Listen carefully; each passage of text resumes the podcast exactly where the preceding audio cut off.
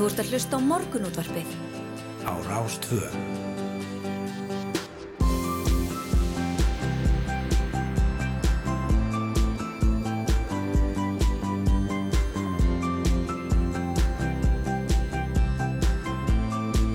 Morgunútvarpið Á Rástvö. Já, við bjóðum góðan dag eh, sem hann geta uh, miðvíku degi, 3. ágúst Rúnar Róbertsson og Felix Bergsson með þeirra vaktin í dag. Já, og um, það er ljúft að vera með ykkur eins og alltaf hér í morgun útvarpinu hér og við eigum von á mörgum góðum gestum.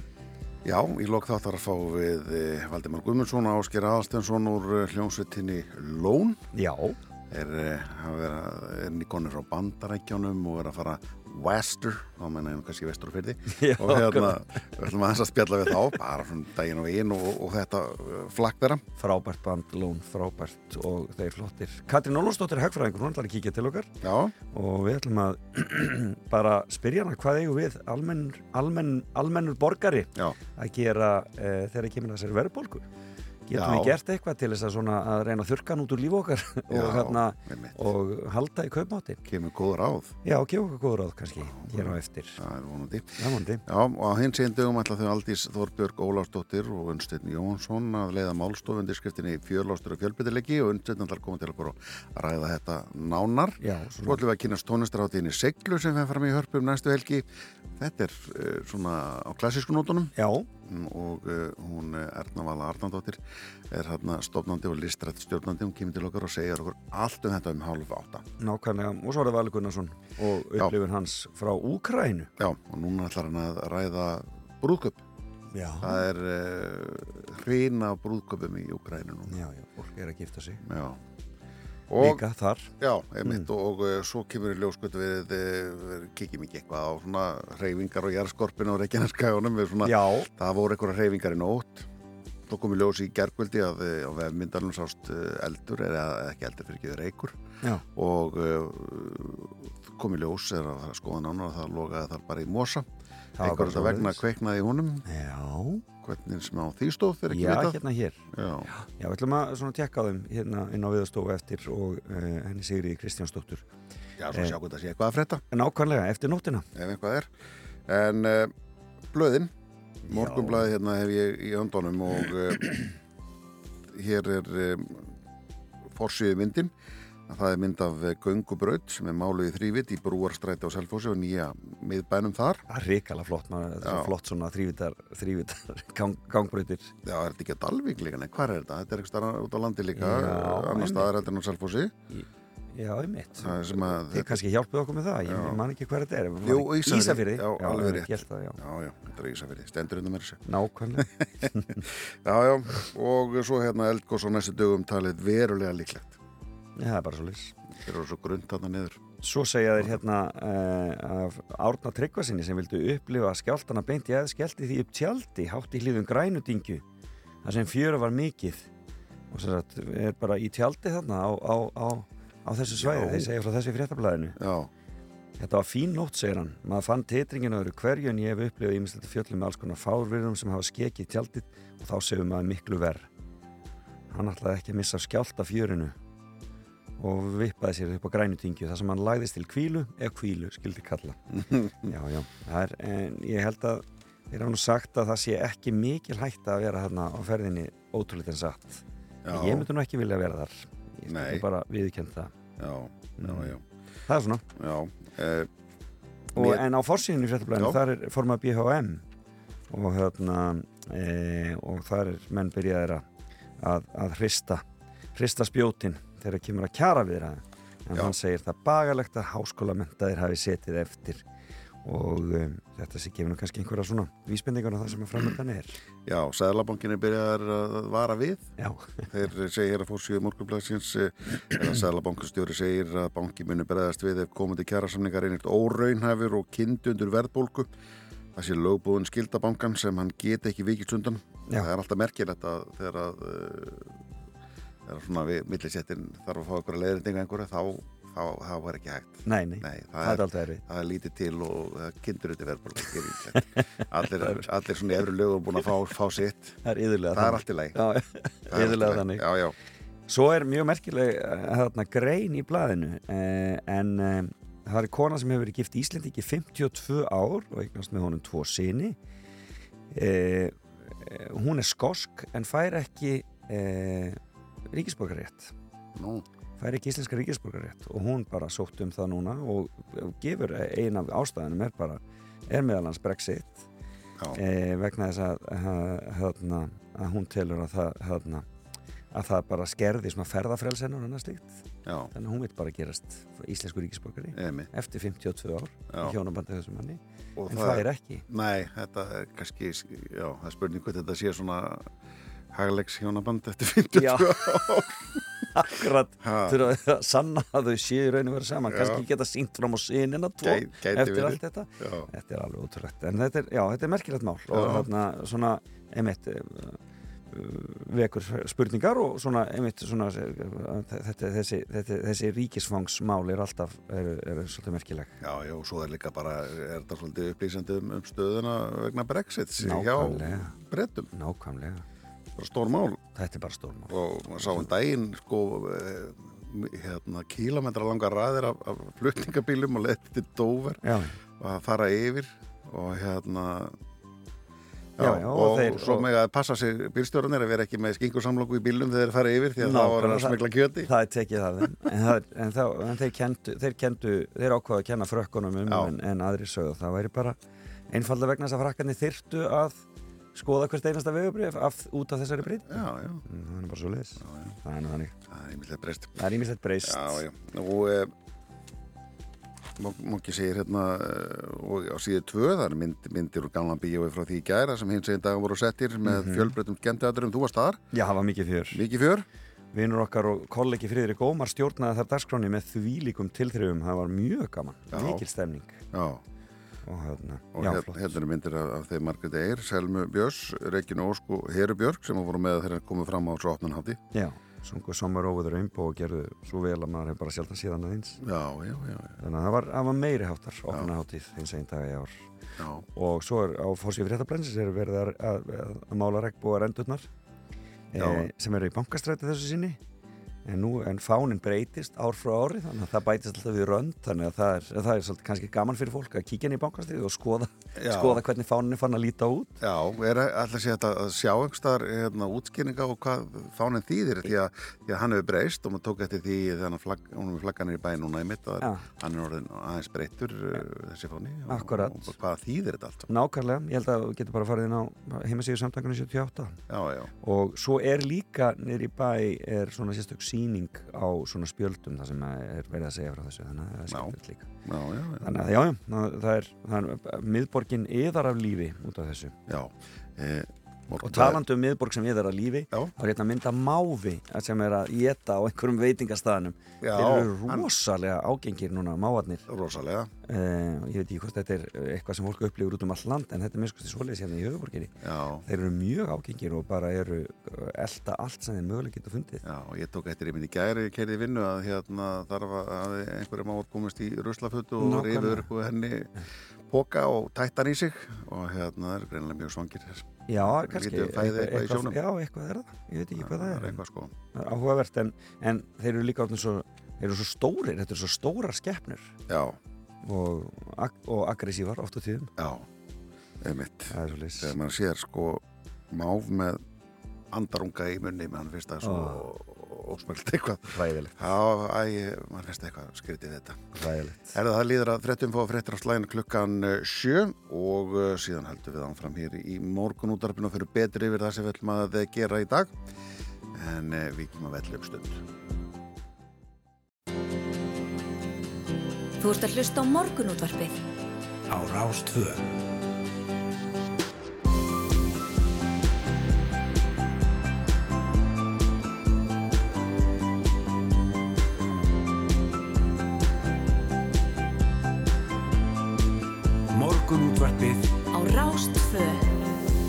Hald ég, eh, það voru sjö fréttir að baki og framundan eh, er eh, fullu þáttur af efni. Nákvæmlega, við erum að, að að renna kannski betri við það. Já, við eigum von á að heyra í Jónu Vali Gunnarsinni, rítuhund og sagfræðingi, hann var að ferja í Úkrænu og pisti frá honum eftir smá stund Akkurat, og svo er það þessi tónlistarhátti sem heitir Sigla, sem far fram í hörpu um næstu helgi.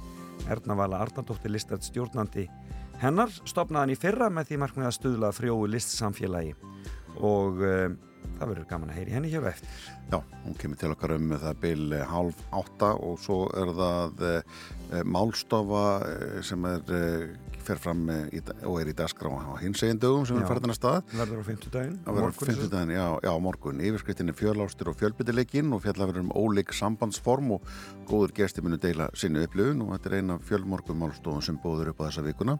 Uh, Aldís Þorberg Ólafsdóttur og Unnstedt Jóhansson sjá um þetta en Unnstedt kemur til okkur og við ræðum fjölbyttileika í samböndum. Það verður skemmtilegt. Síðan er það verðborgan í heiminum sem er að ná hæstu hæðum og talið er hún nái tveggjastafa tölu fyrir en síðar hér á landi ef það er ekki bara komið.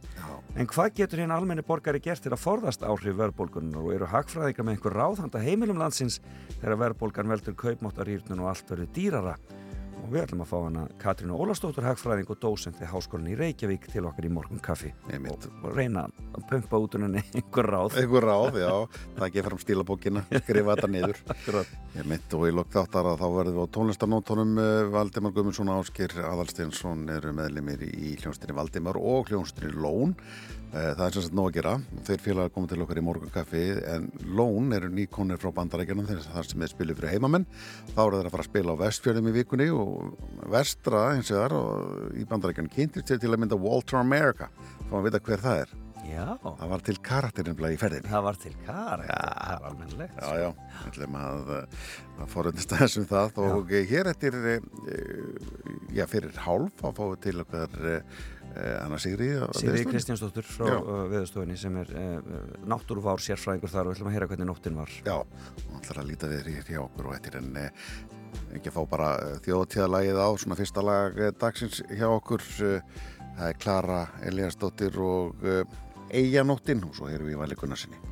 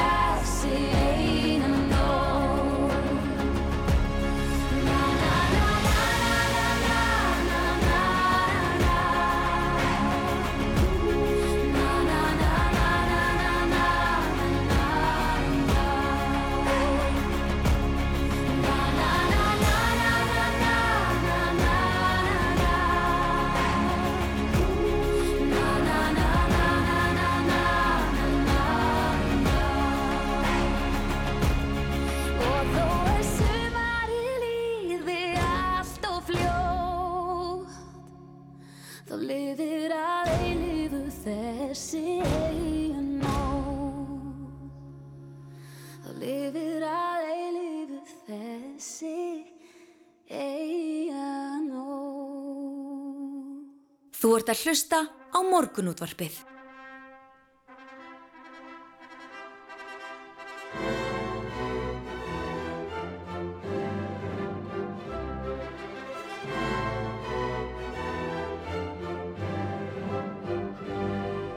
Í kænugarði eru allir að gifta sig. Fjöldi brúðköpa hefur aukist áttfalt það sem að vera ári miða við sama tíma í fyrra. Dómsmálaráðanetið gefur þá skýringu og orsöking kunna vera stríðið, fólk sé óvist með framtíðina og vilji því ekki býða. Varla þarf mikinn félagsfræðing til að sjá að margt er hæft í þessu.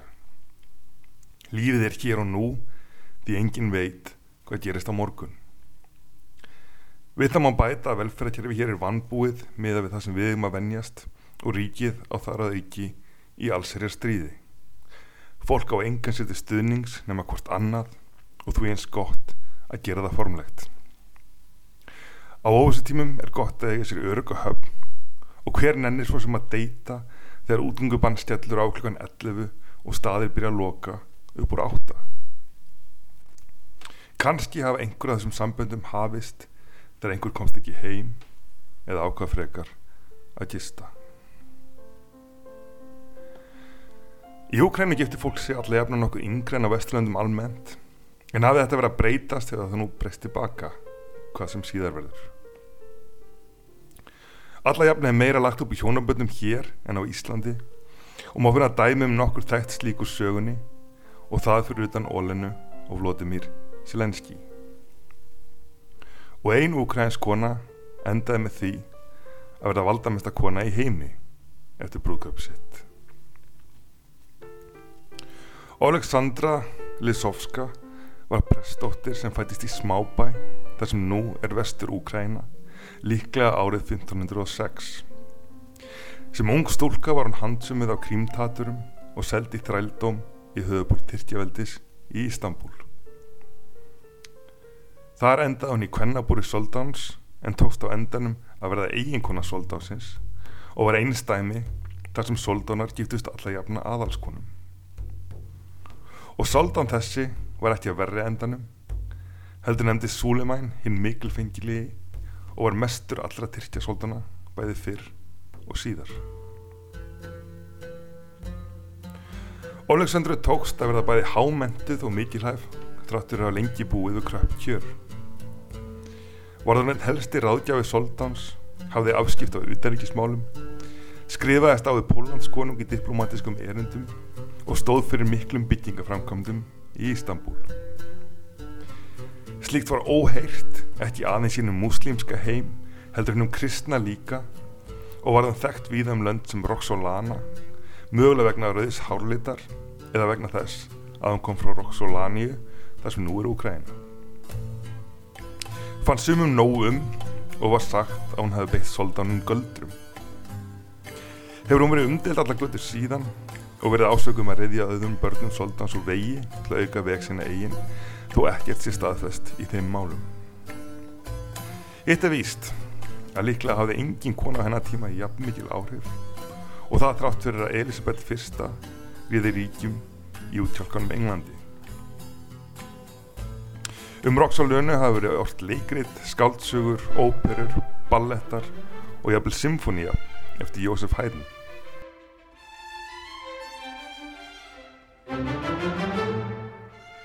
Önnur fræg úkrænukona hefur valdið deilum og það á síðustu árum. Jaroslav Vitri kænugarskonungur sem ríkti yfir Rúsveldin á 11. öld var þekktu sem tengda það er Evrópu og þá lengu á undan Kristjáni nýjunda. Ellisif dóttir hans giftist Haraldi Harraða Noreskonung, Anastasia giftist Andrisi Ungarakonung en mikilvægast á öllu var Anna sem giftist sjálfum Fraklandskonung. Anna þótti bráð gáð og tók þátt í stjórn ríkisins og má finna innsikli hennar á ofnbjörnum skjölum frá tímabilinu. Úkrænukonur í dag hafa það enn eftir að þegar hún fyrst kom til Parísar þótti henni borgin ekkert spes. Parísartískan átti lítið í dýrðir kænugarðs. Og einhverjum máli skiptir hún enn því þegar Putin fór og heiti Macron Fraklandsforsita rétti til kjör hins síðanemda árið 2017 rifiði Rúslandsforsiti upp samskipti ríkjana allt frá hjónabandi önnu hinnar rúsnesku og Hinriks fyrsta á Fraklandi. Úkrænski tvittinóðundur eruðu æfir og bentu á að á eldu öld hafi Moskva ekki eins og verið til en Fraklandsdrottning almennt verið köllið Anna frá kænugarði og ætti því með réttu að vera um úkrænsk. Og er þetta talið enn eitt dæmið um það að rússar reynda að ræna úkrænskri sögu? En það að góðst úkrænamenn eigi rétt á sinni eigin sögu eða ekki er eitt af því sem svo hartir barist um þessa erfiðu daga.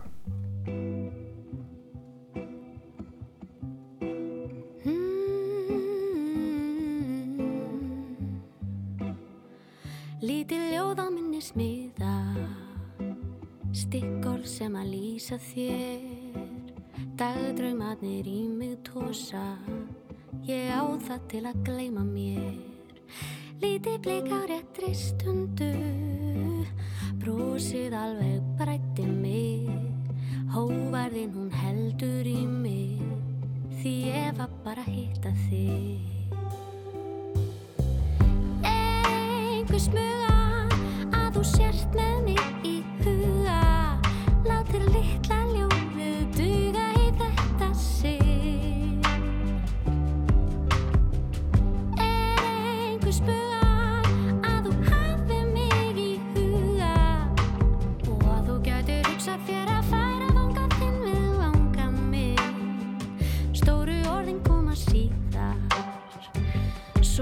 sem ég vil segja þér.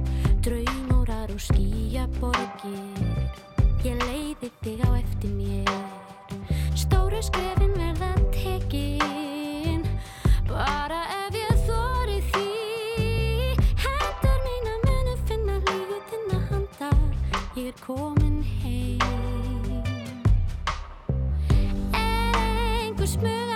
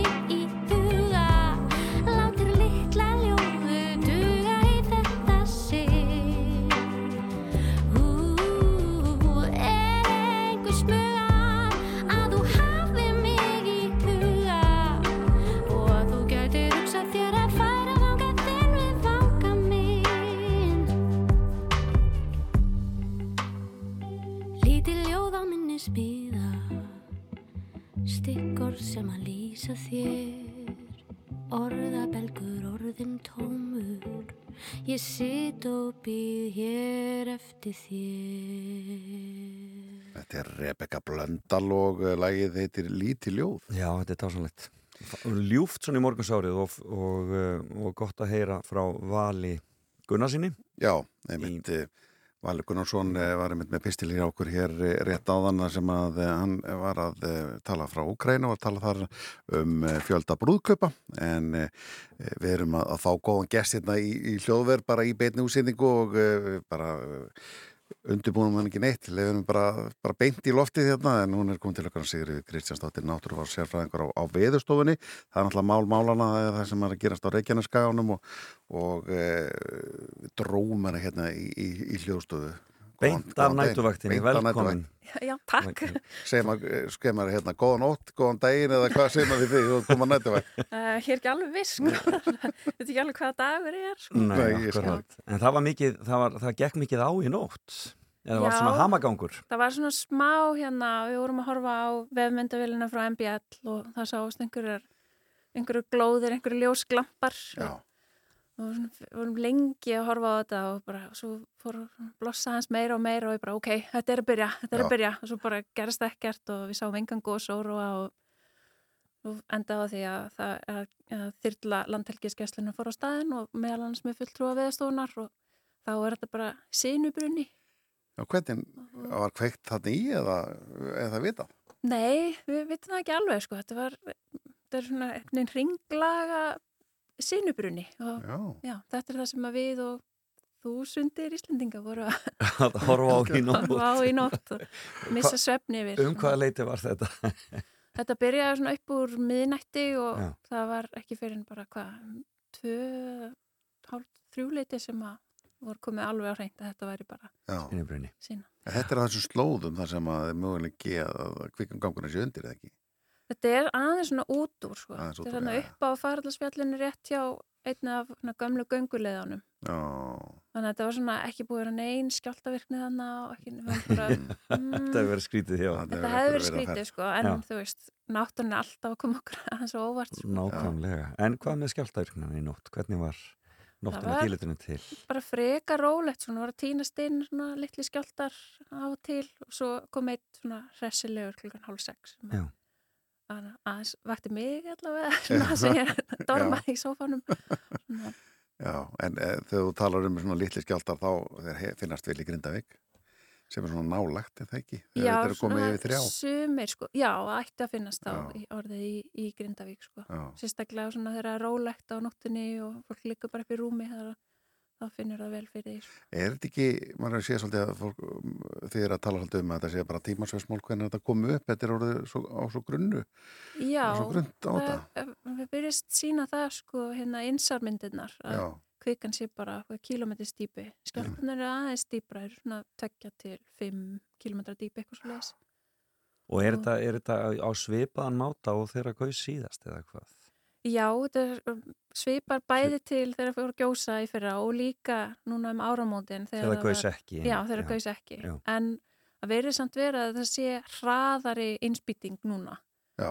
og ég man ekki alveg hvort þessu tvöfalt hraðari Þýði það, ef- segjum að þetta getur náttúrulega dáið bara niður og gerist ekki neitt, en ef þetta kemur upp, þá vantarlega í, í línu við síð, síðasta gós, Já. þessum kvikugangi, en samt norðar, Já, en að því að talaðum að það sé svona svakaleg innskot núna, eigum við þá von á miklu meira hraunflæði. það maður gæti alveg já, trúa því sko Já. en það var náttúrulega ekkert mjög mikið hraunflæði sem kom Nei, í fyrra síðast. Nei. Nei, það var svona lítið krútt Já. svona, svo náttúrulega bara smátt og smátt byggðist það upp sko Einmitt.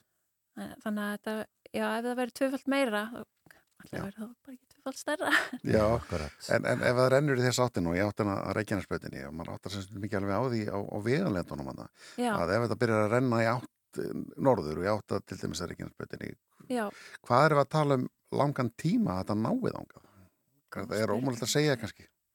Upp á, þetta eru hæður og hólar og það þarf að fylla Ég í held að alls konar alveg- ef þetta er bara svona af þessari stærra gráð eins og var í fyrra eða þá þetta tvöfalt stærra það er ekki mjög mikið, það geta alveg tekið slatta tíma sko, Já, að ná þetta er alveg að góð Reykjanesbrautin, vegalend, sko. Já, þetta er alveg hvað ætli þetta sé, 10-15 kilometrar Já, já, já, já. Það er eiginlega svolítið sem hefur runnið upp fyrir þjóðinni í, í, þessum uh, hamagangi öllum hvað Reykjanesið er í rauninni víðfætt Já, og stórt sko, það er svona margir sem að kannski höfðu ekki alveg gert sér grein fyrir því hvað þetta er og erum laung sko. ganga að gósinu og allt þetta sko. Já, Já, þannig að það er skemmtilegt að, að, að þetta er svona svæðið svolítið vaknar til lífsins sem svona útivistastæður Já, ég held að það hafi verið svolítið svona afskipt hinga til. Við höfum verið að leita einhvert annað þegar þetta er bara í bakgarðanum hjá okkur. Nákvæmlega þessi Þessi náttúru perla. já, en segir eftir nóttina, hvernig, hver er staðan? Þannig séð, á hvað er það að horfa núna? Er bara að vera að býða?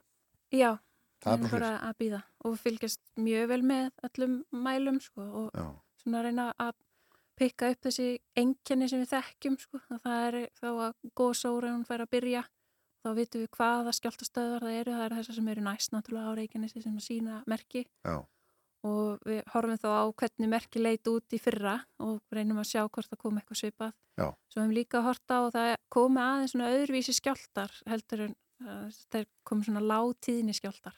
Bara eins og uh, hljóði með mismunandi tíðni Já. og þá getum við fundið veist, dim, uh, hérna, djúbantón eða háantón, það svipað með skjálta, þá getum við fengið svona látíðni, svona látíðni skjálta sem, skjálta sem það var svo djúpur tón. Já. Og það sáum við áður en eldgósi byrjaði í fyrra. Þannig að við horfum svolítið á það líka, hvernig líta bara skjálta bylgjunar út á, bara á skjánum hjá okkur. skilðið. Hvað með grímsvötnin? Er, er það ennþá freyðing er- þar eða? Já, sko, Grímsvötnir er búin að vera tilbúin bara til þess að gjósa núna í einhver tvö ár. Við sjáum það bara á landrísinu, horfum Já. bara á GPS-mæla. Og það voru skjáltar hana í gær, en það, þeim hefur fækkað bara, Já, hefur ekkert verið neitt uh, sérstakt í nótt. sko. En tengist þetta saman? Ég fór að hugsa, ég meina, hefur þetta eitthvað, er þetta á Nei, sömu? ég veist það ólíklegt. Þetta Já. er svo mikla fjarlæðir sko hann á Já, milli já. og það eru nokkur eldstöðakerfi hérna á milli. Já, Þannig að það það sé bara tilviljun. já. Þetta er en land tal, talandi um þetta, ég menna að þú ert talað um uh, GPS-mæla og landrís Hekla er náttúrulega búin að bóluna svolítið út á undantum árum og komið tíma Já. á hana þannig að við getum kannski fengið bara eitthvað svaka sjó Já, um allt? já, hekla er alltaf í smá svona, kannski ekki beint gjörgæslu en þú veist, það er, það er ein, eina af þessum eldstöðum sem við fylgjum sérstaklega með. Já, ef við fyrir matur á Reykjaneska bara stutt svona í lokinu þá hérna var ég að velta fyrir mér. Eh, þegar að opnaði sprunga hérna síðast og eh, eftir að gósið að fara að stað og opnaði hún aðeins norðar Já, þar sem að fólk hafi bara setið einhverju, einhverju rétt áður. Já, þannig að það er eh, það er ótt að segja að fólk verða að fara að vallega þarna jú, við núna? erum bara alltaf að hafa augun opinn og treysta svolítið á, veist, okkur sjálf, ekki bara gera það sem allir aðrir eru að gera, bara vera vakandi. Og, Já, við veitum ekkert hvað þetta kemur upp ef þetta kemur upp. Nei, er við veitum svona, höfum kannski einhverju hugmynd cirka, sko, hvað sé, hvað sé sjans og hvað ekki, en jú, bara vera vakandi. Takk fyrir að koma til okkar Sigri Kristjánsdóttir, náttúruvars sérfræðingur á veðurstofunni uh, eftir nætuvættina. Það er bara opbáslega þakklandi fyrir að renni við hér hjá okkur. Og sáðu rótt í dag. Takk fyrir það, takk.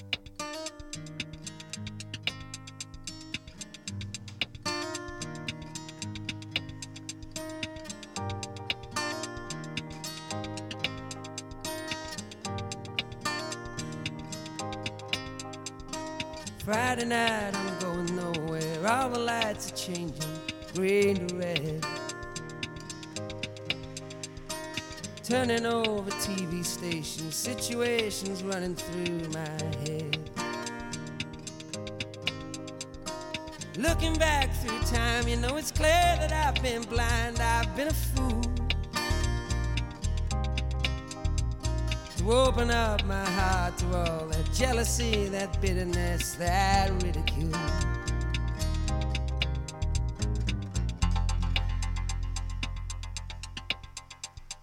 Saturday,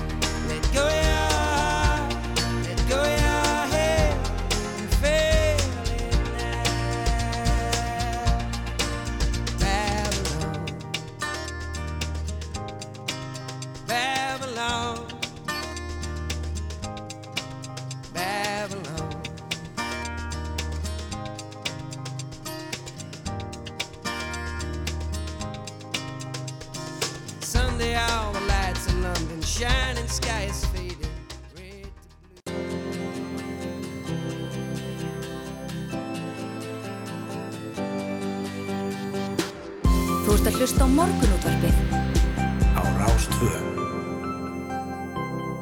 Já, klukkan er slegið halv átta og uh, anfram höldu við hér uh, með þá að hugsa um þess að jarðskjálta í nótt en á stóra hana 4,7 Já, einmitt. og uh, svo er þessi þetta, þessi þögn á milli sem að svona maður með sér er þetta, þetta er að koma upp. En mér finnst þetta svolítið merkilegt þetta sem hún var að segja með sko mismunandi sem sagt í rauninni tóna Já, að djúpu einmitt. tónarnir voru að, að það sé svona mismunandi tíðni í þessu sem, er, sem er svolítið skemmtilegu Þa, það voru um, um að gera spurning, spurningum að fá eitthvað sem að þekkir vel inn á tónfræðina til þess að Nákvæmlega. hlusta á þetta og meta hvað það sé koma skjáltar. og leiður okkur að næsta við Já, við erum einmitt komið með einast líka, hún er náttúrulega Arnardóttir komið til okkar, sæl blessuð. Sæ. Eh, Það er tólunstarháttíðin Segla sem við ætlum að, ræða um þetta er svolítið áhugavert að geta hlustað eftir, eftir tónum í, í móði jörð hvort eitthvað sé að fara að gerast. Ha, mjög skemmtilegt. En þú ert listrætt stjórnandi og stopnandi þessar hátíðar eh, Segla sem fyrir fram í hörpum næstu helgi. Segðu okkur aðeins að hvernig hátíð þetta er? Hvernig tólunstarháttíð Já, uh, þetta er tónlistarhátti með áherslu á klassiska tónlist og við erum með alveg endalist af söng og kammertónlist sem er hljóma í Eldborg og Hörpuhorni yfir helgina. Já, þegar þú segir hörpuhorn, hvað er það?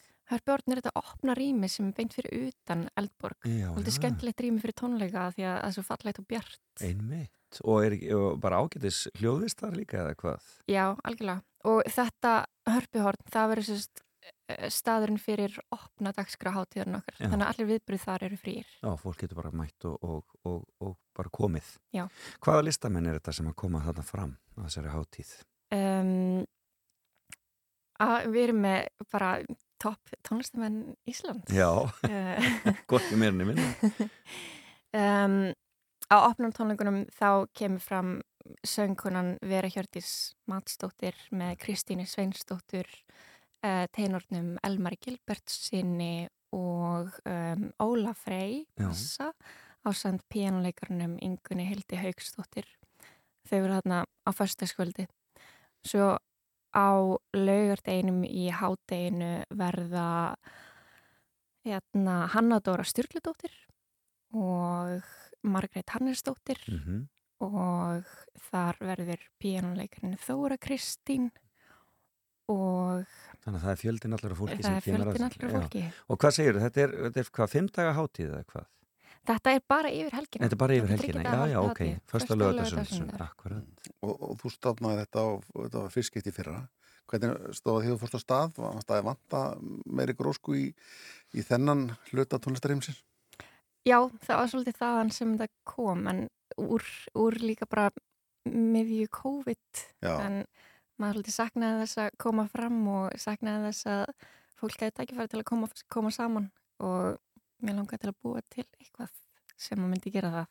Já, hvernig, hvernig var aðsóknin fyrir svona með við COVID Um, hvar, hvar lendur í því Er- varstu, voru við með eitthvað Já, var var, var, að sloka það, hvernig, hvernig, hvernig Gastu hittu þetta á bóðið hjá okkur að koma? Já, eiginlega ekki, vegna ber það, þessi tónlistarhátti ber nafn með rendu sko. Ég-. Já, við þurftum að fresta ansi mikið. Já.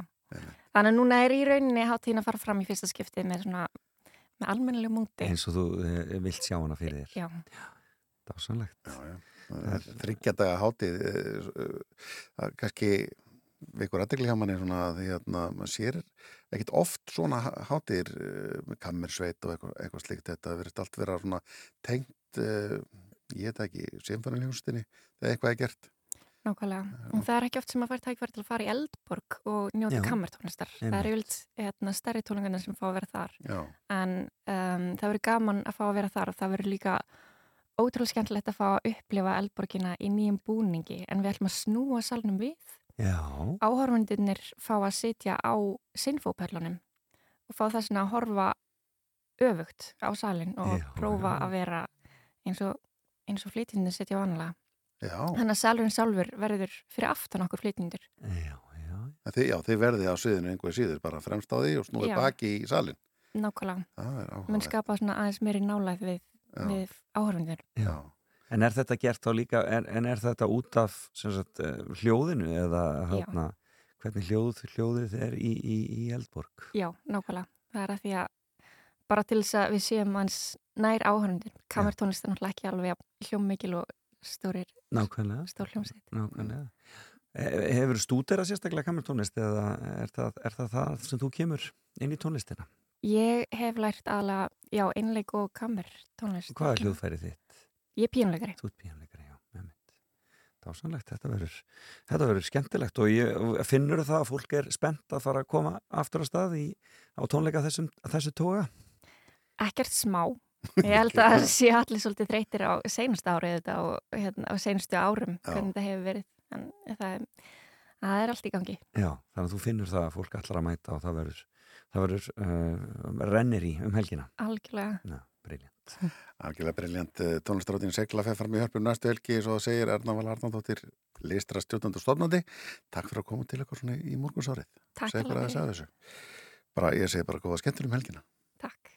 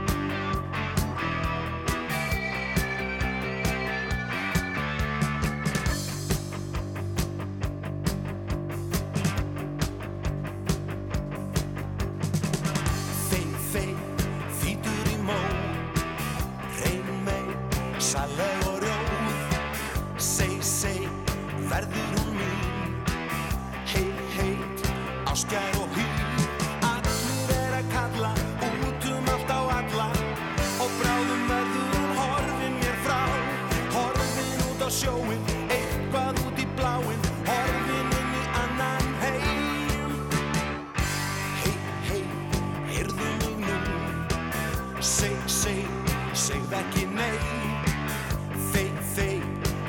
eru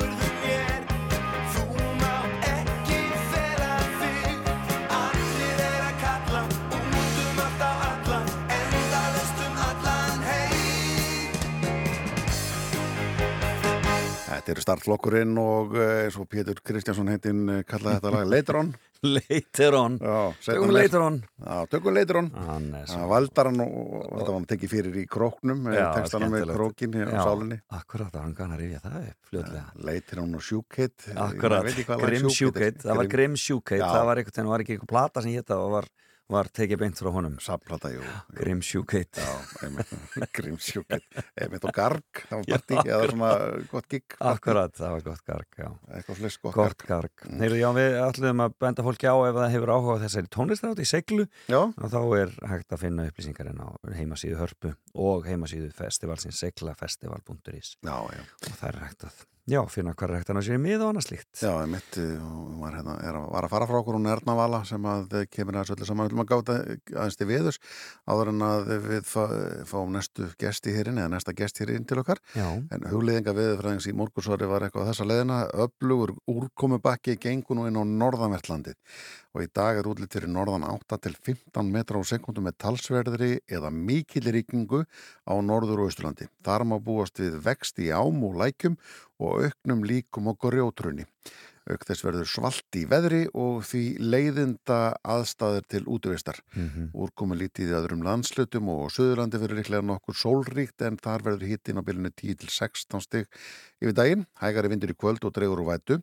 Á morgun verður norðvestan kald eða strekkingur á landinu áfram rigning og svalt veður norðan til en úrkomu ákæfðin verður mun minni en í dag. Á sunnanverður landinu verður veðrið ánfram svipað, bjart með köplum og fremur mildi við daginn. Annarkvöld lægir svo vestalans og stittir upp fyrir norðan. Það er ekki fyrir annarkvöld sem Já, stittir já. upp fyrir norðan. Það er bara gul viðvörun hérna með þessi, sko. Já, Út af þessari regningu á strandum Norrlandi vestra og Norrlandi eistra. ég sá, já, að- einmitt. Ég sá í gæra á Twitter það sem að uh, var nokkuð vel skotið hjá eh, einu notanda þar það sem að einhver fréttamaðurinn og einhverjum vefmiðlinum að þeir sett inn uh, og var að tala um guð, gula viðvörun og fyrir nú var einhver svo gula lættir á sig kræla og þá sagði við komandi þetta er ekki eins og maður notar orðið gula, það er alltaf að tala um sólinu þarna, Já, bara akkurat. að benda á Já, það er akkurat. villin fyrir manni. Maður heldur að maður sé, ú, það er að Nei, gul nei, það er gul viðvörun, já, já. Er það ekki, já, var, var ekki ekkert tíðan, voru ekki bakkar út ekkert tíðan með eitthvað lag um, um gula viðvörun? já, já, þeir, er þeir syngi, syngjum það og Þeir- Ég er þetta smá stundi í morgunútarpinu að e, þá ætlum við að fræðast að þessum málstofu sem að e, með yfirskriftina fjölástur og fjölbreytileiki og tengist hins eginn dögum hér eftir smá stund. Þetta eru nói sett síðan séðar og never forget you. What you drinking? Rum or whiskey? Now won't you have a with me?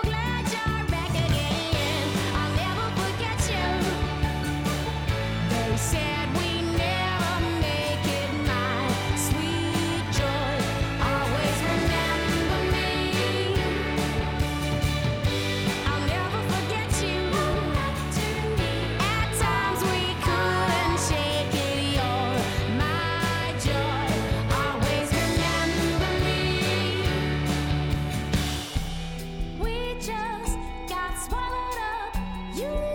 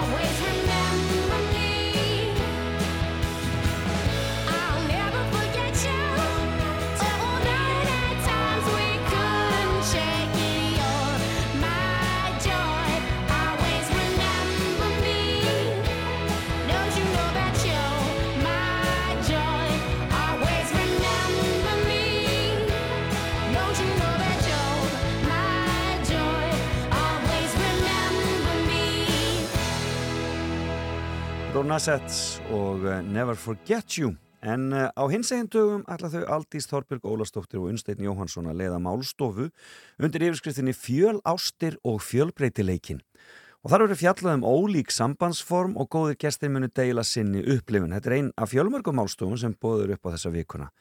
Unnsteinir, komin hér til okkar, verður velkomin. Já, góðan daginn. Og uh, maður bara byggðist afsökunar að vera að draga það að stað svona þetta morgunin eftir, eftir hins vegar. Svolítið rámur, þetta var náttúrulega glæsileg hátíð, bara Já. með þeim betri, að hérna, en bara gott að vera komin. Já, mikið fjör. E, þið aldís að við áður staði fyrir svona málstofu á hins eginn dögum, eða ekki? Jú, við uh, vorum með í fyrra málstofu um hins einn unað og Já, hérna, það var mjög skemmtilegt Já. og reyndar aðeins öðruvísi að því að þá máttu nú bara vera örfáir í salnum Já, og þannig að var bara öllu streym. streymt.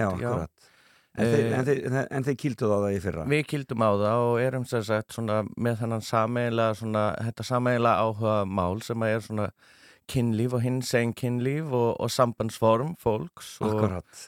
Hún er kynlífsrákja og sálfrængur og ég var að klára diplómu í kynfræði Já, já, já, já. Svona Og það, en, þessi, en þetta, þessi umræða, fjölástur og fjölbreytilegi, hvað, hvað er þetta í rauninni sem þið er að Já, fjalla um? þetta er einmitt svona fátíkt að sé fjallað um annars konar sambandsform í samfélaginu Já. í heild, hvort sem að það er í skólum eða í popkultúr eða bara í fjölskyldubóðum um, Já, Já, við tölum ekki mikið um það. Uh, við erum svona fastari í þessu einkvæni eða monogamus samböndum þar sem að tveir einstaklingar ákveða eða æfinni saman. Mhm. uh, og þetta er svona önnur leið og hún er nú að verða svona já, samþyktari og fólk er að fjalla meira um þetta og sérstaklega með tilkomu samfélagsmiðla, TikTok og, og Instagram að þá verðist fólk vera tilbúinur að deila og deila sinni reynslu Það verður byltingi þess að veruna á sjönda áratugnum, sjönda og áttunda áratugnum, en verður síðan bara bakslag í þessu eða hvað? Já, það mætti segja það sko því að hérna, já, það voru nú aldeilis frjálsar ástir Nákvæmlega, ég menna þessi Summer of, hvað heit það, Summer of Love var það Já. ekki þarna, Mhm. 60, 68 eða hvað það var, eða 67 en, þarna, en síðan einhvern En veginn svo, eins og við, við dettum aftur í að, að, að, að ákveða það, það, það Við sé verðum ekki bara að vera tvö saman að eilifu, amen og Já. maður náttúrulega horfir ekki á neitt annan.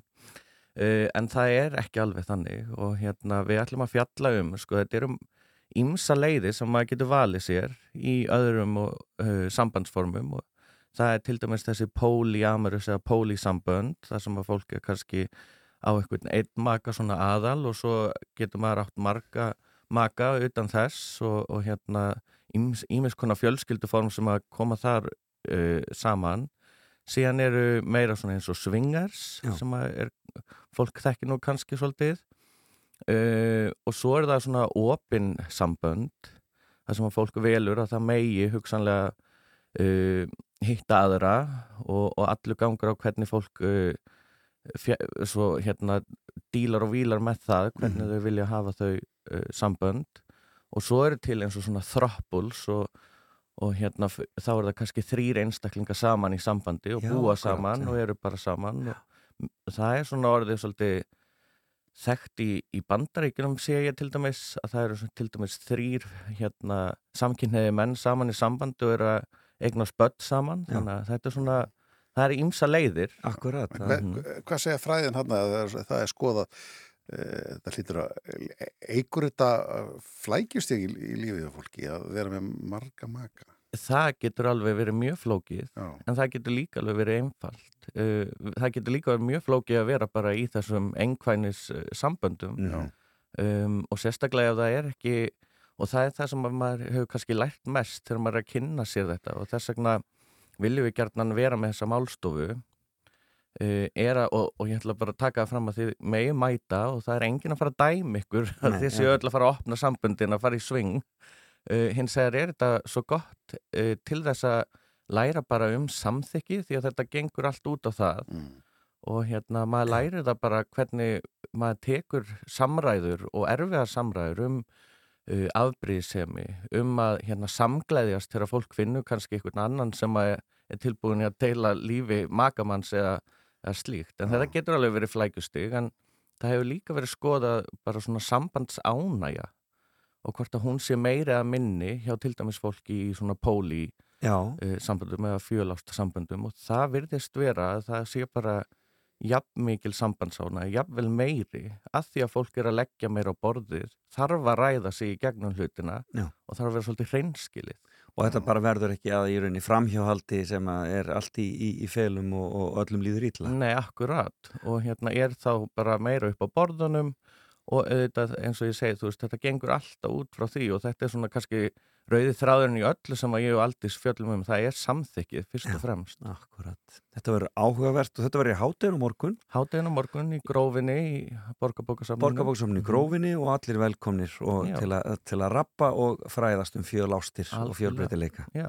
Kæra þakki fyrir komuna. Einstein Jóhansson.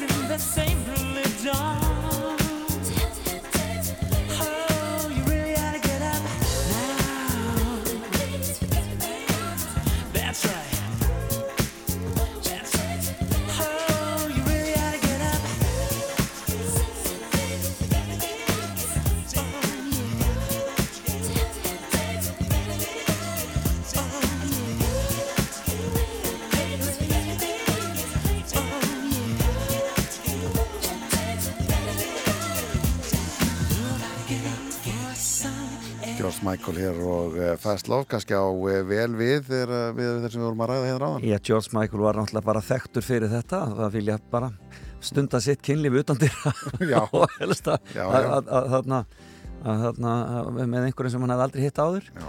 þannig að hann líka bara þegar hann var handtekinn fyrir þetta og, og, og, og átti greinilega að gera hann að svona, að svona setja hann upp sem svona þarna, dæmi um að svona ég ekki að lifa lífinu Já, þá kom hann bara með lögin Fast Love og, og Outside og allt þetta Og að gerði bara grína þessu í rauninni. það er að þú veist ég þetta er svona svona tefurgrungur en, en, eh, en það nú svona eins og það var. Já, já. Ég rættir á, á, á næsta klukkutíma eftir fréttina klukkan átta þá eh, er það Valdimar Guðmundsson Álsker Aðsteinsson úr hljónsettinni, já Valdimar og hljónsettinni Lón er þetta kikið til okkar eftir klukkan hálf nýju og uh, síðan ætla að fá svakalega góð ráð frá hagfræðingi hér á eftir. Já, Katrin uh, Ólafsdóttir Já, það er uh, verðbóka hérna sem við þurfum að glíma við þannig að eh, við fáum ráð frá henn og eftir. Hvað getum við, hvernig getum við tekið á þessu? Þú ert að hlusta á morgunútvarpið á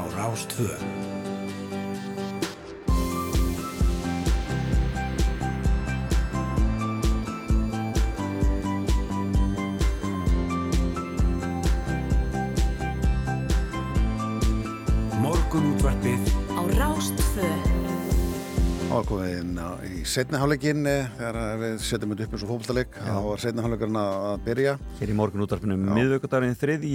ágúst. Og við ætlum að fara að ræða um verðbólguna hér á eftir. Já, fá smá ráð svona hvað maður getur gert til þess að spórna eitthvað við henni ef það er hægt það er bara eins og gengur. Ég treyst á Katrin Ólafsdóttir, hún hefur öll svörin. Öll svörin hér eftir eh, smá stund og hún er ekki sátt við þetta. Nei, meira það hér á eftir eru strákvændin í Monotown og lagið heitir Peacemaker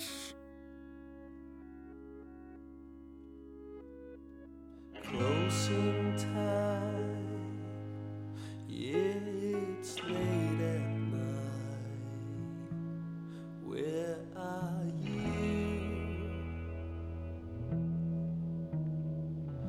Empty heart and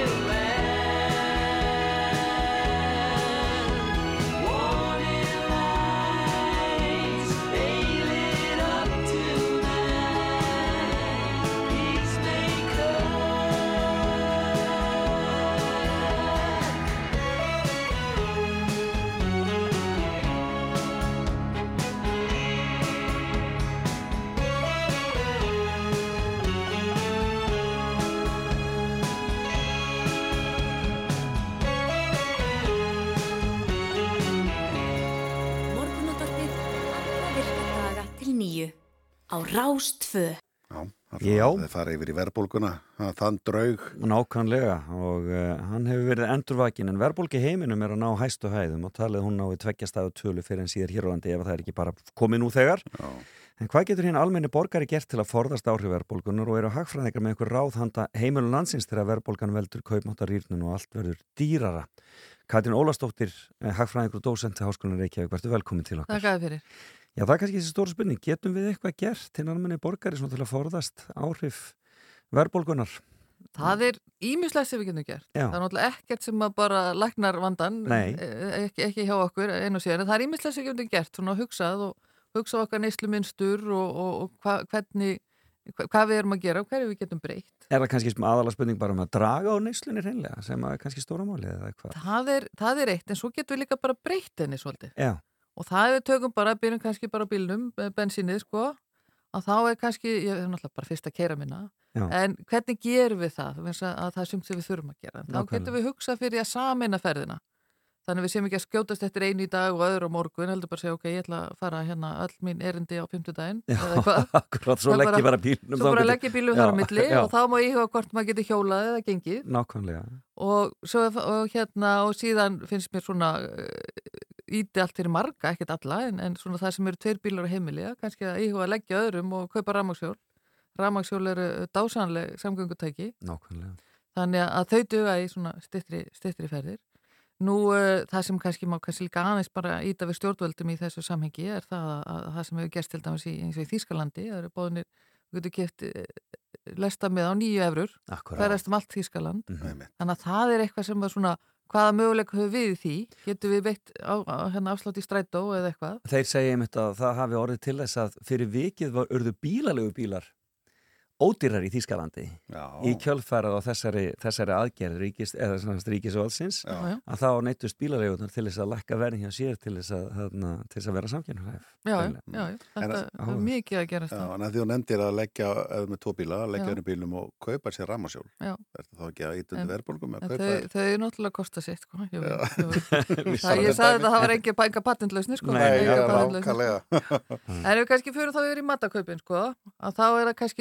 Til að spara bílinn líka að þá Mm. er bara að búa sér til matsel fyrir vikuna og halda sér við hann. Fara einu sinni í viku út í búð kaupa allt sem það þú getur að fara einu á milli og kert grænmeti og eitthvað svoleið sko en, en það er að, að hérna bara passa það að við erum ekki að henda mat. Akkurat. bara passa, passa vel upp á þetta. Skoða hvað er á tilbúið hverju sinni. Hvort það er raunveruleg tilbúið líka við erum með svolítið verskin við erum svolítið slæm með það Íslendingar að láta bjóða okkur alla verðhækkanir. Það er allt í lagi að, maldi móin og segja nei og spurja. Já. það er sumt sem að veist, það er margt sem er eðlert að hækki en annað ekki. En það sem við erum að sjá í verðbólgunni er það er, eru eiginlega sko, stór hluti einstakra atriða í vísitur nöysluverð sem er að hækka. Eins og hvað þá? Bara, bara á, á röðina. Þetta Já. er ekki bara þú veist uh, út af bensínverði, út af kvotverði eða eitthvað, það, það er eitthvað meira. Það er líka mjög fristandi þegar margt er að hækka að hækka fleira líka. Þannig að það er, það er rosalega mikið að hækka. En það er það Nú spurning um getum að vera, ekki- kannski, vera kannski meðvutund og vera með Ver, ég vera svolítið meðvitaður skoða líka hvort að stærðin á pakningunni skiptir máli og, og, og slíka hluti. Já. nú um, já og það er eins og núna það sem er kannski ómöðulegt núna gengið er voða lítið að gera hérna. Já, Þa, það, það er annað sem er að- að reykja ver, eða sem sagt hækka verfið heldur en, heldur en gengi. Við erum svo Já. vöndi að gengi fara og þá er bara eðlita allt hækki sem er innflutt. Einmitt, það er ekki núna. Nei. Að þannig að Er ekki frekar, krónan frekar sterk núna eins og hún er gerist sterk allavega yfirleitt gagvart yfir, efrunni sko, Já. já, eins og gerist yfirleitt á sumrin þegar já, já. gjaldir er flæðir inn í land Það er svolítið talað um að það sé innflutt verðbólga uh, utanfrá, en það er ekki bara það, segir það. er ekki Já, bara- það, hún er ekki í gegnum gengi sko. Nei, við erum svo vöndi að fara í Já. gegnum gengi þannig að við horfum allt innflutt, já, já, það er bara eðlt að hækki Mhm. Þa, það er bara ekki Nei. akkurat Það er máli ekki núna máli núna nei. þannig að það er allt í lagi að svona spurja og bytta af hverju þetta hækka það er, það er svona er, getur verið að einhver hluti af þessu sé að menn er að undirbúa svona kjærasamninga í haust með því að bara hækka áður? Það, já, ég, það er, það er ekkert útlökað í því, sko. ég, er- ég, ég ætla ekki að segja að mann sé að gera það, en það er, það er, við sko segja bara, við horfum bara þvert yfir vísutölu neysluverð, þá undilið sem það eru, Mm. það er meira að hækka þar heldur en er hægt að skýra með bensínverði, uh, Húsnæðisverði. ráverði og húsnæðisverði og, og slíku, Já. Þa, það er meira að hækka Já. og það er náttúrulega bara fristingin er til staðar, það er bara þannig, en svo er náttúrulega líka launakostnar að hækka, þannig að það er náttúrulega hlutaskýringun þannig að það er, það er ímislegt, ímislegt þar. Já. Eitthvað fleira, hvað með sparnaðin okkar? Uh, já, það er enga, enga góða frétti þar. það er bara því miður. Það Bara setja þetta í kottan og, og, og, og, og sofa þar bara. Það er, já, sko, það er bara þannig að, stýrivextir Sælabankars, þó þeir hafa verið að hækka, þá er raunvextir ennþá neikvæðir. Sem þýðir það allt sem þú leggur inn á bankabók, það rýrnar í, í, í verði. Mm. Nefnum setur hann á verðræðarreikning og þá þarf þetta að binda hann í að minnstu kosti þrjú ár. Já, akkurat. Þannig að það er voða lítið, ég var að skoða hans í gerð svona hvað hva hefði verið ávöxtun síðust árið og yfirleitt, eh, já, er þetta bara í mínus. Já. Þannig að það er, það er já, ríkiskuldabrifin er ennþá í mínus, þannig að þetta er raunvexti. Man er líka tekið eftir í að fjármagni er svolítið að færa sig þá úr þessu yfir í steinstefuna.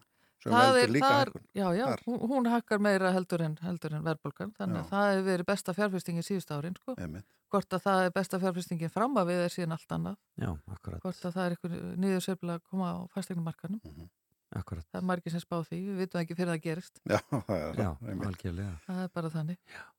Þannig að það er, já, það semst, það er sem sagt ímislegt sem við getum gert, en það er aðalega tengist í rauninu okkar svona neysluvenjum. Það er okkar, okkar neysluvenjur, já. Og síðan ef kannski aðeins heldur maður með peningarna, sko, Já. að þá ef við, maður á pening og skuldapening, að þá er langbesta fjárfestingin að borga niður skuldir.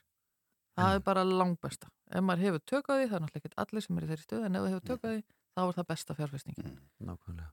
Þannig að það er, það er lítið í spilan manna en áframaldandi hækkandi vextir. Já, það er slis. Já. Já, allavega á næsta jafnvel eða meira. Hvað, hvað sjá, sjá hagfrænga fram í, langt fram í tíman með það?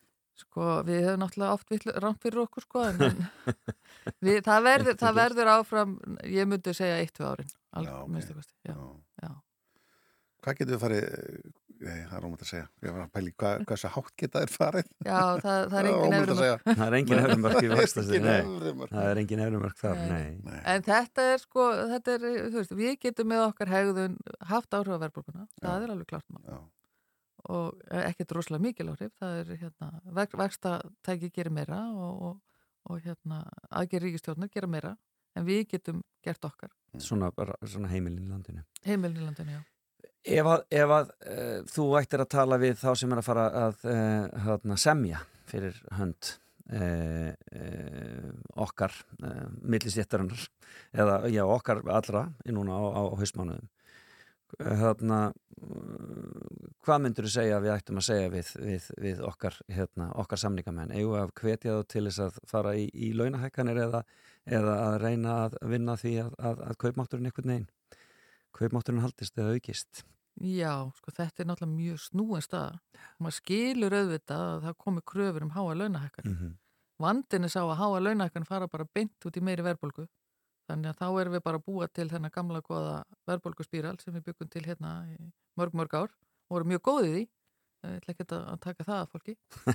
En, en hérna, þannig að, að það er ekki best og það er ekki, e, e, sko segja, að launafólki í hag. Það, þannig að ég held að það skipti öllu máli núna að menn leggist á eitt, eða konur, menn og konur, leggist á eitt að finna leiðir til þess að, að, að, að hérna, tryggja kaupmáttin, tryggja það að þeir sem eru kannski á, á lagsta skalanum, lagsta á launaskalanum, e, bara komist í gegnum þetta. En við erum bara svolítið frjó í hugsun og finna aðra leiðir vegna þess að beina launahækkanir munu ekki gagnast launafólki Mhm. og það mun ekki gagnast hinnum heldur. Þannig að þetta, er, þetta verða mjög erfið að kæra við þær. Já. En ég vona bara að fólk komi, fara inn í þær með svona opin huga og, og reyna að finna nýja leiðir. Þetta verður áhugavert á haustinu, sjá hvernig þetta fyrir allt saman. Já. Hvað gerist reynlega? Já. Já. Við erum að fara í svolítið óvissu vetur. Já, daldið. Er. Verður gós. Það verður gós. það verður. Ekki Rúnar Róbersson, Ég ætla að hann spá er ákveðin í því. Eitthvað staðar, ef það er ekki grímsvöld eða hekla, þá Já. verður það á Reykjanesinu. Já, já, ég veit ekki, þegar maður segir það svona, skilur við, eins og ég ætla, að vitna bara í katurinn að maður getur hættur andur fyrir sér. maður getur átt rámt fyrir sér. Katrín Ólafsdóttir, kæra þakki fyrir komuna til okkar í morgunúttarpið. Takk fyrir mig.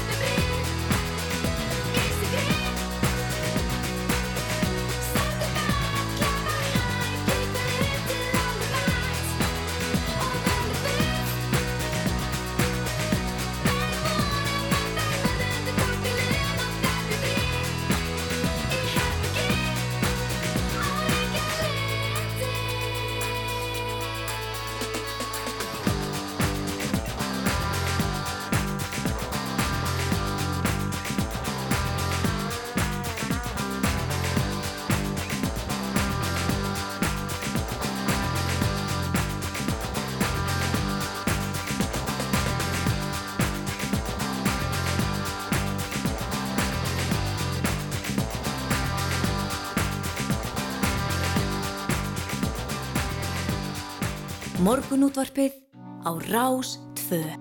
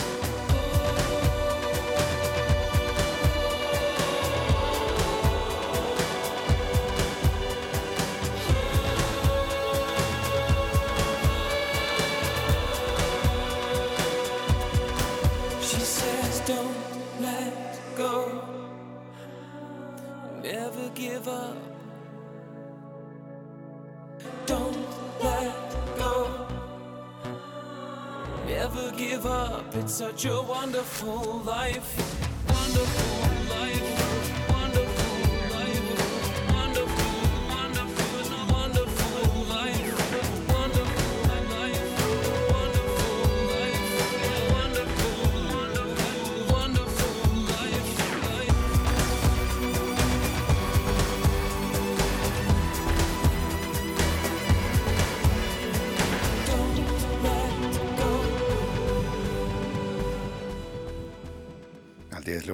Þarna á Wonderful Life, það líður að frétta yfirleiti, Mhm. fáum frétta yfir klukkan hálf nýju og höldum síðan áfram með uh, já, gott spjall hérna, ef hún á góðan gestum í hljóðverð, en uh, það er áhugaverð fréttin á, á, í fréttablaðin dag. Sem þingmaður í samgangunandi vil láta skoða mögulegan á mýrum í borgarferðir sem flugvallastæði í ljósi jarðhræðringar á Reykjanesi, þarf sér að vara flugvalli nálagt borginni. Já, þetta er hún Halla Signý Kristjánsdóttir, þingmaður framsóknarflokksins sem er að, er að vekja máls á þessu og þetta er svona, þetta er áhugavert. Ég í rauninni hef ekki heyrt þessa hugmynd áður um, um alþjóðaflugvall á Mýrum. Maður hefur heyrt af þessu á Suðurlandi. Já, við Selfoss eða í Árborg. Já, jafnvel á Hellu líka, sko. Alveg, það, það, það, það, er langt austur. En, eh, en eh, þetta verður þetta, þetta verður eitthvað rætt áfram en sem þetta tengist því að eh, í ljósi þeirra miklu skjáltavirkni og kvikurhæringa sem ganga nú yfir á Reykjaneskaga hefur eldfjallafræðingurinn Þorvaldur uh, Þórðarsson s- varað við að báðar samgönguæðar Reykjanesins, Reykjanesbrautin og Suðustönduvegun farindur raun. Já. Huga þurfi því að ég byggja upp fluginviði annar staðar á landinu og auðvitað eru akkurarflugullur og eigirstaðarflugullur varaflugullur fyrir keflaugflugull og þangað verðum við að horfa fyrstum sinn en svo segir hún alla signi að það þurfi líka að skoða þá eitthvað sem enna er borginni. Já, einmitt, það kostar nú ekki smáraði að byggja nýjan flugvöll og, þetta þarf samt að skoða.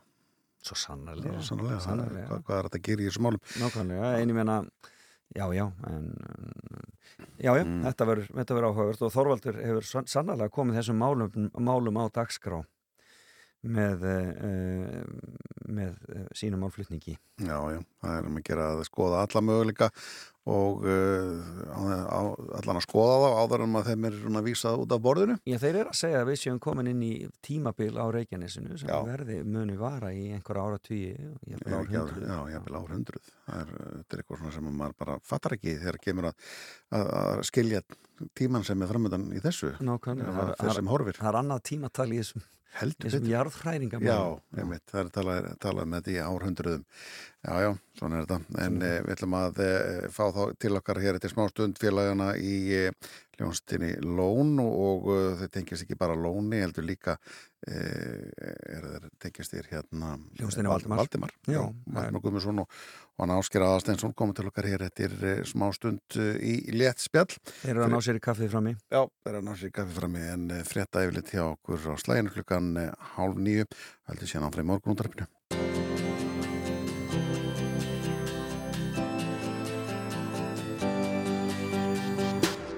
Þú ert að hlusta á morgunútvarpið á Rástvö.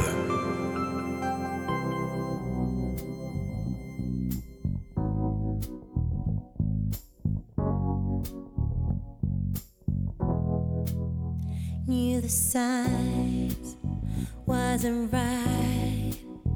I was stupid for a while, swept away by you, and now I feel like the fool. So confused, my heart's bruised. Was I ever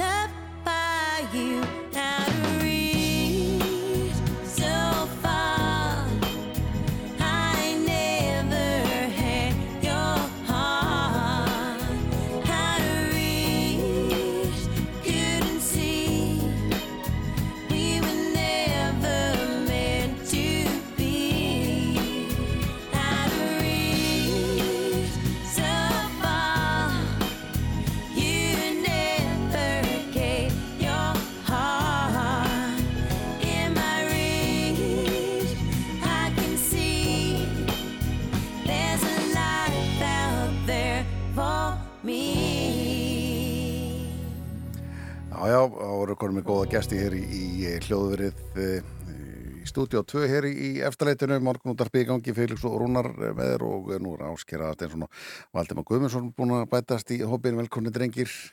Já, takk Það er nú venjulega ef maður kynir ykkur inn þá sér að það er hljónstinn Valdimar en nú er það hljónstinn Lón sem við ætlum að tala um. Já, já, Þeir eru saman í henni líka. nýja bandið. Já, Þarna, Þið rugglum hann alveg bara. Já, við erum rugglega okkur sko. Þarna, Já, við stopnaðum þessa hljómsveit þarna, hvað er, byrjun árs 2020 eða ekki? Jú, Jú. Bara svona onni, þarna, rétt bara um, um kringum COVID þarna, að hérna veruna þarna, svona, Já, já, þarna já. og við bara fórum inn í skúr og byrjum að vinna músík sko. Já, var það, var það, en var þetta þá löngun til að vinna með Ómari sem að gera það að verkum að þessi, þetta band var til? Já, já, eiginlega bara við, þarna, við sko ég hafði verið, ég var með jólatónleika hérna uh, jólinn 2019 Já. og uh, Ómar var þar hljómsveitastjóri og Ómar Guðjónsson, Já. Já, einmitt, Ómar Guðjónsson, gítalegari uh, og hann sem sagt, að við sem sagt uh, sömdum og gerðum jólalag með honum fyrir þessa tónleika. Og okkur fannst bara svo næs að vinna saman að við ákveðum að hana, halda bara áfram og breytum aðeins. Einmitt, þetta er ekki beint svona jólaleg, jólaleg músík sem við erum að gera með honum núna en þarna, ákveðum að, að, að svona, fara að vinna svolítið saman og þarna, gekk bara svona sakalega vel. Og munurinn á þessu og Valdimar er kannski eh, svona við fyrstu sín að það er sungið á ensku. Já, það er sungið á ennsku og þetta er svona, svona lágstemdari músík. Já, þetta er svona annar annar hljóðum með svolítið. Já, og hérna, hérna kassagítarar og svo erum við líka ekki margir Nei, við erum bara þrýr í stað fyrir, hvað er á þetta, sex eða sjö eða eitthvað í bandinu Fær- færri Hættir að en- telja. Já, færri en já. kortið en hérna, uh, Ásker, þið voru að koma úr hljómleikaferði í Bandaríkjunum hvernig kom það til allt saman? Herðið, við bara eða byrjaði þannig að við sóttum um hérna að spila á hátið sem heitir hérna International Folk Alliance í Já. Kansas City, Missouri Ok, Mm. sem er svona hérna bransahátið fyrir e, folkmusik Það er verið að passa ykkur að segja sko Kansas City, ekki Kansas ég, og helst að Já, bæ- bæta við já. Missouri. Ég svo, ég var eitthvað svona It's great to be here in Kansas, Kansas. Missouri! Svo- Eða sko þið sögðu mér það you're, not- in Kansas, it's Missouri. Já, það sagði eitthvað svona en Það það passa sig að bæta við City og helst Missouri Já, líka þetta er mjög viðkvæmt mál sko. Þeir eru líka sko alveg á Já, Já. en allan, en þetta er svona stór já, svona bransa showcase fyrir hérna fólkmusik. Mhm. Og við bara duttum inn á það og þá séðan svona e, kom aðeins meira upp í endunum okkur þannig að við endum með að vera einhver 10-12 daga já, úti, Já, fórum til hana, Denver hana, spilaðan líka í Denver. Fyrst sko, það var í gegnum uh, var ekki inspired by Iceland eitthvað, var ég veit þetta Taste of Iceland Taste of Iceland, kynningar hérna átak fyrir Já. Ísland í Já, bandaríkjum byrjuðum að fara til Denver uh, flugum svo yfir til Kansas. Eða Kansas City, á hreinu. og fór- komum svo heim og tóku heimamenn vel í eh, músíkina?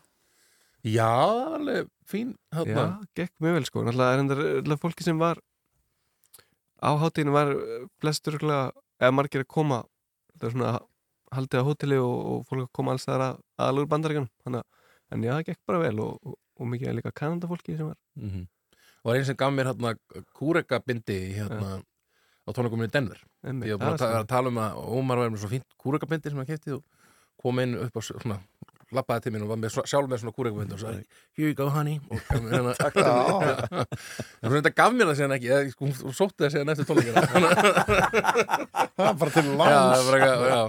Og mjög ljúf þessi, þessi kona Já, en, en, það er nú oft hannig í, í svona ferðum það sem að uh, svona hópur er, er saman og þá er nú ímins vittlisann tölu eins og gengur að gerist Já, og það var nú til karakter þarna sem að við höfum séð á, á Já. samfélagsmiðlum Já, ég hérna, einmitt, við vorum hérna, hann, hann sko í rauninni fættist í túrbössinum hjá, hérna, hjá Kaleo. Þessi, við vorum, sagt, uh, við fórum á tónleika með, með Kaleo hérna í Red eh, Rocks. Red Rocks hérna, í Denver, Já. það er rétt í Denver. Og, hérna, og það er ótrúlega gaman að sjá það hérna, á svo stóra sviði, fullt af fólki og þvílík stemning og svona. Orðnir svo stórir bara Já, fyrir mjög stórir hérna og þau voru bara einir hérna með tónleika hérna á þessum flotta stað. Og hérna uh, og við sagt, eftir á fengum við að uh, skilur, hitta þá og svona aðeins að, aðeins að hafa gaman. Og hérna og í túrbössinum sko, já, það var einhver úr hérna krúinu þeirra, einhver svona ljósagaur eða eitthvað sem, eða ég, ég svona, What's your, what would your English name be? I'm, I don't know, Walter svo þið, og, Já. og þið vissi að ég heiti Valdimar oh yeah, Walter America þannig að og þannig, og þá byrjaði ég að tala með svona bandarískur heim, hello, I'm Walter America og, byrjaði, eitthvað svona, og þeim fannst ég að helviti góður sko, þannig að ég var líka, ok, ok þannig ég svona peppaðist upp og við fórum að taka upp eitthvað svona sketsa svona? Með Walter America. Walter America approves of this eitthvað, ég var ekki, hvað var ég, ég var á okkur barbecue stað eitthvað. Já, I'll get myself some barbecue ribs eitthvað svona, eitthvað svona, Þetta var, einmitt, við erum búin að taka upp ykkur nokkuð myndbönd og setja á TikTok þessum krakkandir eru. Já, það er aðalmáli, vera á TikTok. Já, já. með lón músík undir. Já, já, já, Þetta verður nákvæmlega. væral. Þannig á þetta að vera. Og Allt verður hérna, væral. Við hérna, næstu áttu færtu við hérna höfða til krakkana og með Walter America. Já. Æðislegt. Það er mjög skemmtilegt. Já, og svo er það að fara á Wester aftur núna Já, Á Wester, Five Fingers Western Philly. Já. Við erum að fara hérna á Patró uh, annað kvöld, var það ekki? Jú, það Jú, styrst í það. og hérna og Flateri á Já.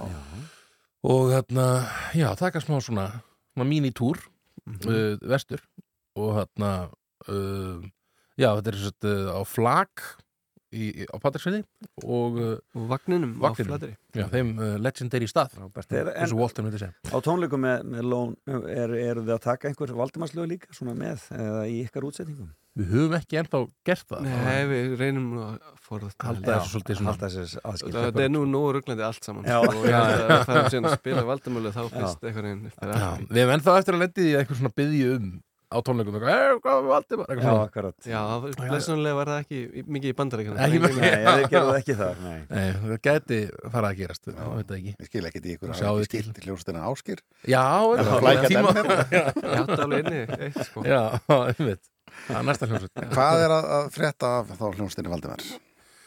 Uh, Við eitthvað báða hérna Það er svo sem ekkert mikið búið að gerast það er svona, við spilum tónleikar svona á og til og við erum að fara að spila á græna hattinum eftir tvær vikur. Mikil tilhlökun Já, mikil menn spenntir sko. Uh, og við fórum hvað, síðast svona þegar við vorum að vinna í einhverju nýrri músík það var fyrir, hvað er langt séðan, ár eða eitthvað, Já, eða meira. eitthvað, þessi rúnd ár. Fórum Já. hérna fórum á stöðafjörð Já, í hérna Studio Silo Já. Sem er klikka, klikkaði staðir. Það er rosalega næs. Uh, það voru hvað, fjögur lög sem að svona, grunnir af fjórum lögum urðu til þar. En þarna já, þetta er svona gengur hægt og rólega bara. Við, við áskilum allir búin að vera svolítið mikið að gera bara í, í hérna, að vinna bara í lón stöffinu og kannski eh, svona þegar það róast aftur niður og getur það að hendi í valdimölu aftur. Akkurat. það er nú komin svolítið tími, það er komið hvað fjögur ár eða eitthvað frá síðust blötu Já, tíminn allt inni fór að líða svo Já, Já, já, það er það sem gerist. Það var ekkert mál að gefa út plötu með tvekja ára frestið fyrst sko. Já, svo akkurat. allt í henni bara eitthvað, já, liðið fjögur ár nú er komið, nú er komið fjögur ár og við erum ekki einu svona eða ekki einu svona byrjaðir sko, næ- næstu plötu þannig að þetta er svona Já. Já, þetta er alltaf, alltaf svona, já eins og segir, og tíminn fyrir að líða hraðar og hraðar. Og svo náttúrulega er- var þetta COVID inn á milli líka er ég og lón. COVID og lón Og. Eh, Hvað er þetta? Föstur og lögadar núna um helgina? Nei, Eh, 50 ára fyrst 15 Fimmtán ára föstur föstudagur. Ok, Svo er ég að fara í brúðkaup á lögadaginn já Þú mást stoppa túrin Gætum ekki, hérna, já, Já. gætum ekki klára helgina sko. og, og eitthvað meira planað, ég menna ekki bara þessi helgi, hljóta að gera eitthvað meira í ágúst Uh, sko, já, já, kannski ekkert meira í ágúst uh, hjá Lón allavega við, hérna, við förum, við förum hérna, uh, bara, er ekki að spila fyrsta september eða eitthvað, Jú, við fyrir til bandaríkjan aftur eh, í mannamótin já, Ó. til Chicago Svo erum við alltaf að leiðinni að hérna, halda svona alveg útgáðtónleika fyrir já, við svona núna þegar að- svona, við erum allir komnir heim úr sumafrí og svona þarna, þá erum við kannski fyrir við að fara að se, svona, tilkynnt fljóðlega já, þau bráðum að fara að hendi í útgáða tónleika. Já, og svo, já, svo er, verður erfis í haust og alls konar dótt framdann já, já, Frábært. Þjálfónu einmitt. Mm -hmm. Eh, og svo náttúrulega brjálega að gera náttúrulega bara í, í fjörsköldu málum, barnauppeldi og nóg að gera þar já, já, það er alltaf eitthvað sko. Það er, það er svo áhugavert að finna svona hvernig þarna um, einmitt, það er svona allt í einu verið tíminn svona þarna er svona frítíminn sem maður hef, er svona þegar maður er heima hjá sér sko, þá er alltaf eitthvað að gera. Og þarna en, all, en mjög yndislegur yndislegt að fylgjast með þessum, þessum litlu börnum að, þarna, ég er bara með eitt náttúrulega en þarna svona uh, hvað segir maður? Vaks og dafna. Já, og alltaf hverju nýjir hlutir nú, nú er minn byrjar að klappa það er rosalega skemmtilegt Stórt skref. já, stórt skref sko. þannig að hérna, Er já, ekki, er ekki svo stutt í hatímabili þegar þeir byrja að tala, það var hafið öllu sem maður sagt. já, já Það skil skist það. já, ok það býr spenntur til því Já, það ekki. já, nú er það bara da, da, da, það er og baba og mamma og svona þannig Já, já. Skemmtilegt. Já, já. En já, bara takk fyrir að koma til okkar Ásker og, Valdimar okkur. Eh, heyra hérna lagi Reyndir sem er nú fengið tölur að spilin hérna á rásinni þetta er svona eh, þetta er, þetta er frá ykkur og, og eh, eitthvað sem getur sagt okkur um þetta lag eða bara leifa svo að fljóta Reindyr, um, veitum við sko þetta var, ég veit, mann bara þetta var gammalt svona, gammalt þarna demo sem að við ásker áttum frá því að, var ekki frá því að við varum að gera lög fyrir umstund, þess að fyrir plötunan umstund sem kom út 2012 eða eitthvað, þetta er svona gömul hugmynd sem að Jú, getur verið, það var Eitthvað stíl. eitthvað, eitthvað, fannst það okkur og í, í, og í bulltekstanum syngi ég reindyr eitthvað í, eitthvað my reindeer og þess vegna heitir það reindyr það er, við syngjum ekkert um reindyr í læginu sko. það er bara eitthvað. Og það er bara svo fallið þetta, ah, reindeer, svo, það er gott nafn já, Góð trygging líka við jólalagi sem við gerum já, já, Það var afleið, af því jólunum. Takk fyrir komin að strákar, gaman að sjá okkur Gangi ykkur vel fyrir vestan. Takk,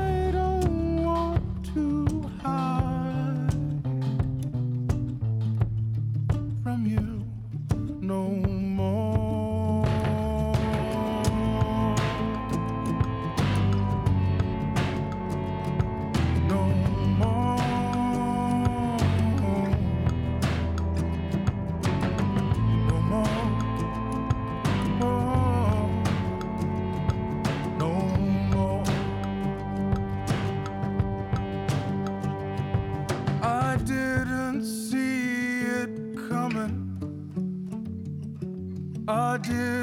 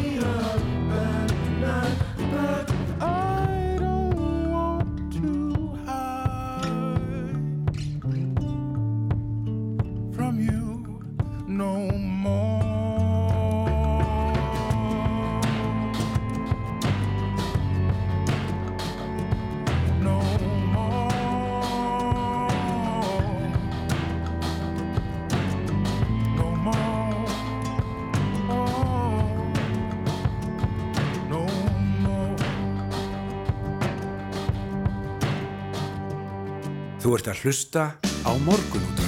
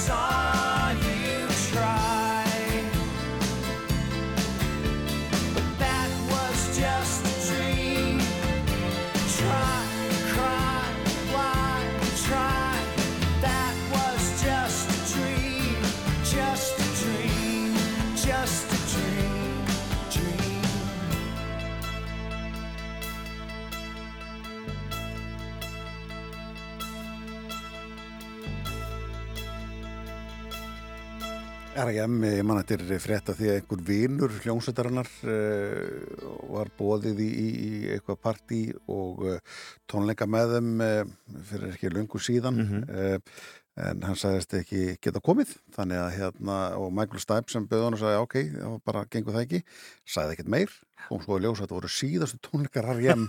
og hann var vinurinn var eitthvað full í blaði við þetta svona hálfpartin svo hann var Hann hefur ekki getað sagt mér það. Þá var það lindamál sko, þeir væri að hætta Nákvæmlega, en það er frábæri þættinir sem Ásker Eithórsson gerði og voru í Rokklandinu núna, Já. e, síðustu sunnudaga um og, að- það er hægt að finna þá á netinu ég mæli með tveimur frábærum þáttum með hljónstæna R.I.M. sem ásker geti Já.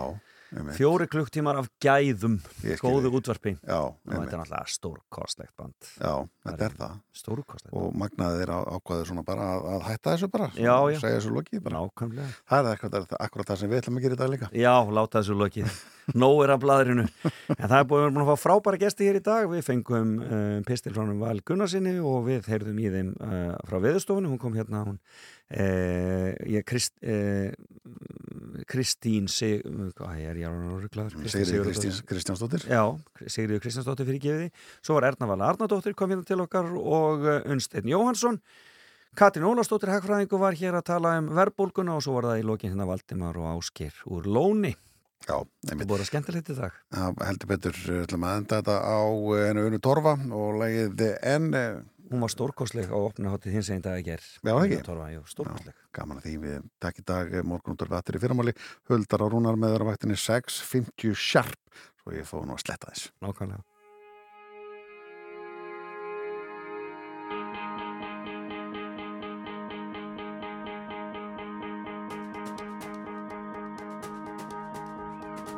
Þú slærið á þráðinn seint á kvöldin